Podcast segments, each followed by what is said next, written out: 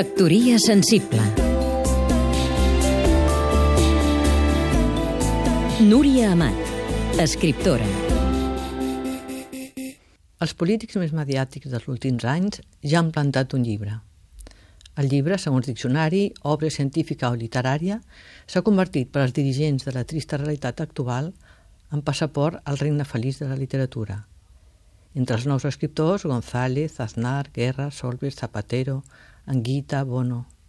Cap dona en l'extensa llista, per discretes o bé per invisibles.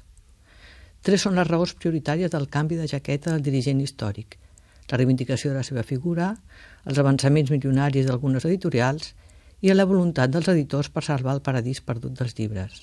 Vagi per davant que en la pàtria llibresca hi cabem tots, però si un polític esdevé escriptor amb el pes de la influència que el seu compromís implica, per la mateixa raó, un escriptor hauria de ser benvingut en el fer i desfer de la política. Intervenir en la política d'un estat, comunitat o autonomia amb els mateixos drets, llibertat i poder de decisió que els habitants del llibre concedim als governants. On estan els escriptors en els debats polítics dels mitjans? Absents.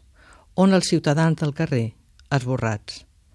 Quantes pàgines en blanc per omplir en un moment en què els ciutadans expressen el seu desgrat cap als dirigents polítics. Comencem, doncs. Factoria sensible